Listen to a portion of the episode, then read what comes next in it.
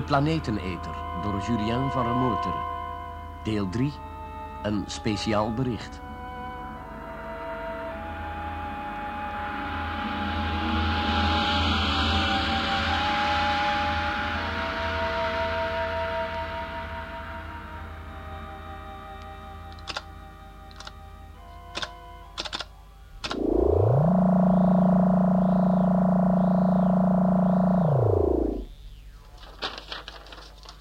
Hier hebt u de samenvatting, dokter. Dokter, Oh, neem me niet kwalijk, eh, Greta. Ik eh, was een beetje in gedachten. wil ik het voorlezen? Ja, dat is geen kwaad idee. Betreft psychiatrisch onderzoek van de astronauten John Doorn, Peter Landsheer en Erika Blanker. Opgenomen gesprekken. Landsheer en Blanker. Doorn, bij voorkeur nog wachten. Inhoud. Relaas van de gebeurtenissen die zich op 24 juni 2084 afspeelden aan boord van de permanente ruimtelabs Beta 1 en Beta 2. Op genoemde datum namen de bemanningsleden van Beta 2 voor het eerst de verschijnselen waar die bekend staan als de grote maanbeving. Zij bevestigen over het algemeen tot in de details wat de waarnemingsstations op aarde registreerden. Onverklaarbare snelle toename van reusachtige scheuren in de maanbodem. Een enorme vulkanische activiteit. En het wegslingeren van grote massa's maanrots in de ruimte. Vastgestelde tegenstrijdigheden. Aanvangsuur van de grote maanbeving. Landsheer houdt het bij het middaguur. Blanker omstreeks 8 uur GMT. Grondstation Madrid, 14 uur 16. De feiten aangehaald door Landsheer en Blanker zijn controleerbaar met archiefgegevens van controlecentrum. Even voor 1800 uur bleek evenwel geen radioverbinding meer mogelijk. Oorzaak: elektrische storm.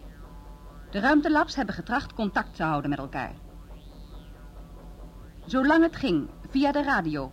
Daarna visueel contact. Dat gerealiseerd kon worden door de baan van beta 2 te wijzigen, zodat dit lab een stuk dichter bij beta 1 zou komen.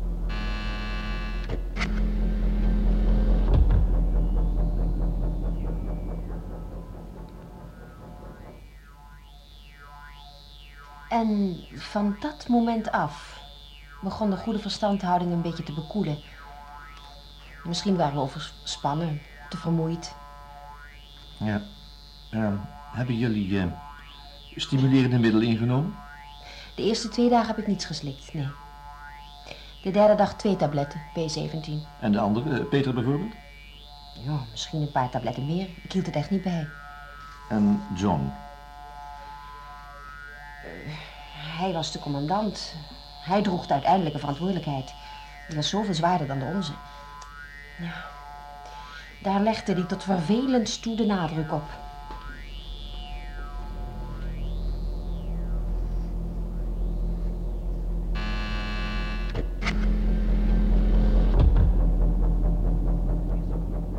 Heb ik gelijk of niet? Iemand draagt de uiteindelijke verantwoordelijkheid. En als het ooit tot de raadszitting komt, dan zullen jullie alleen maar als getuigen worden opgeroepen. Maar ik, ik, Dat weten we nou onderhand wel, John. Ik begrijp echt niet waarom er ooit een raadszitting zou komen. Oh, dat zou toch te gek zijn? Dat wij verantwoording moeten afleggen voor de catastrofe die de maan nu teistert. maar in elk geval wel voor de bestudering van die ramp. En we mogen geen enkel detail uit het oog verliezen, geen enkel. Doe me dat soms. Ik ga nu rusten. Maak me wakker als er zich iets voordoet. Goed. Goed. We zullen het niet vergeten, wel rusten. Ja, dank je.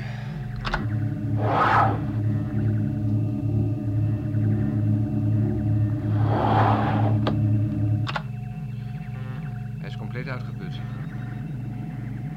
Hoe is het mogelijk je zorgen te maken om een stomme raadzitting die nooit zal plaatsvinden? Niemand kan hem toch enig verwijt maken.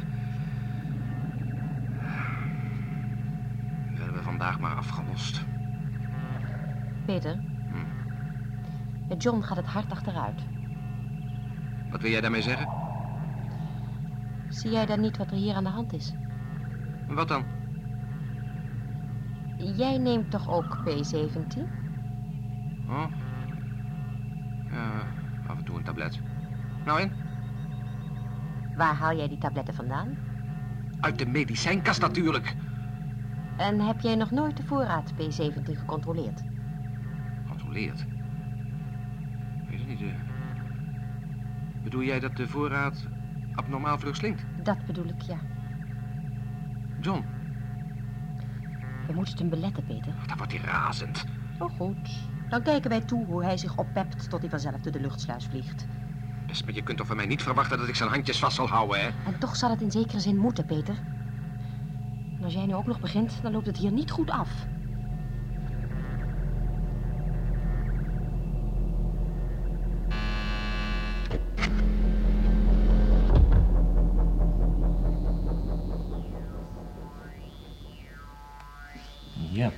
Mhm. En wat hebben jullie dan gedaan? Niet veel.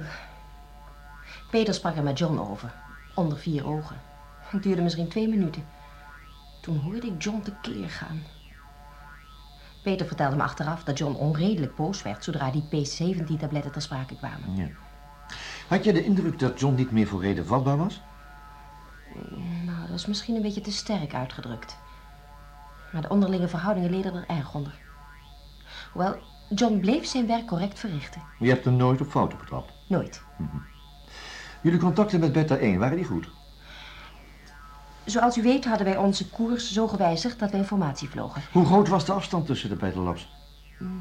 Om en nabij de 600 kilometer. Juist, en na het uitvallen van het radiocontact namen jullie je toevlucht tot Morse. Ja, inderdaad. Konden jullie die lichtzijnen goed ontvangen? Nou, in het begin moesten we er wel handigheid in krijgen, maar al gauw ging dat perfect. En hoe lang bleven jullie informatie? Vier dagen. De vijfde dag is het gebeurd. Konden jullie die vier dagen de maan nog helder observeren? Dat hing er vanaf. De maan stootte soms zulke hoeveelheden materie uit dat we hem nauwelijks nog konden waarnemen. Hoe zagen die uitbarstingen eruit? Kun je die beschrijven? Nou, ik. Ik weet het soms niet meer. Het is namelijk zo moeilijk om te zeggen wat we zagen. Een belangrijk feit was wel dat wij nooit de vuurgloed zagen. Vuurgloed. Ja, dat zou in die omstandigheden normaal geweest zijn. Althans, als het vulkaanuitbarstingen waren geweest. Dus jullie merkten nooit een rode gloed op? Nee, nooit. Alleen maar kolken en reusachtige zuilen van stof en stenen. En trouwens, bij mijn weten maakten de rapporten van controle ook geen melding van vuurgloed. Ja, dat is inderdaad juist. Hoewel ik hier onmiddellijk aan toe moet voegen dat bepaalde geleerden het wel voor mogelijk achten dat een, nou ja, dat een, eh, een gloedleuze vulkaanuitbarsting mogelijk Ach. zou kunnen zijn. Onzin, dokter. Maar al wat die lui hier beneden beweren wordt geslikt als koek. Geen mens die ons gelooft, die er notabene met de neus bovenop zaten. En dat is nou het pro- probleem, dokter. Ik geloof niet meer in deze zaak. Wat ik of John of Peter of, of, doen of zullen zeggen of beweren... het past niet in de theorieën van hier beneden. En dus is het gekkenpraat. Dus lijden wij aan vervolgingswaanzin of, of schizofrenie. Nou ja, wij zijn gek, stapelgek. Kom, kom, kom, zo moet je dat niet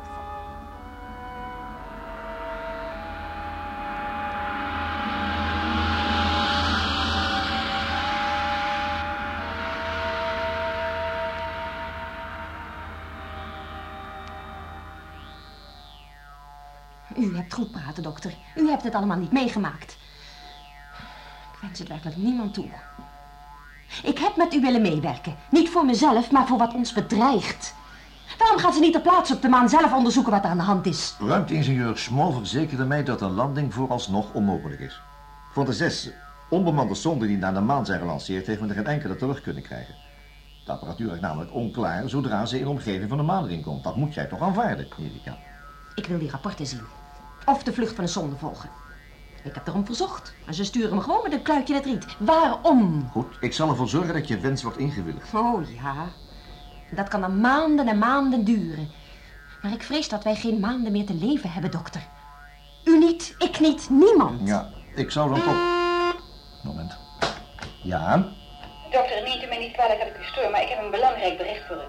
goed ga je taak luisteren. John Doren is verdwenen uit blok C, dokter. John. John gevlucht.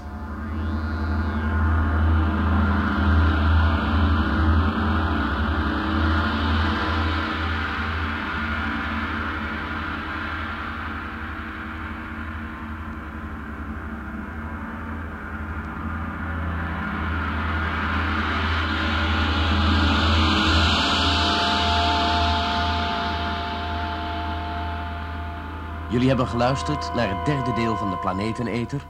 Een speciaal bericht door Julien van Remoerteren. Rolverdeling. Dr. Karel Kimbal, Jan Borkes. Greta, Barbara Hofman. Erika Blanker, Marijke Merkens. Peter Landsheer, Hans Karsenbarg. John Doorn, Hans Veerman. Technische realisatie, Tom Prudon en Bram Hengeveld. Regie, Bert Dijkstra.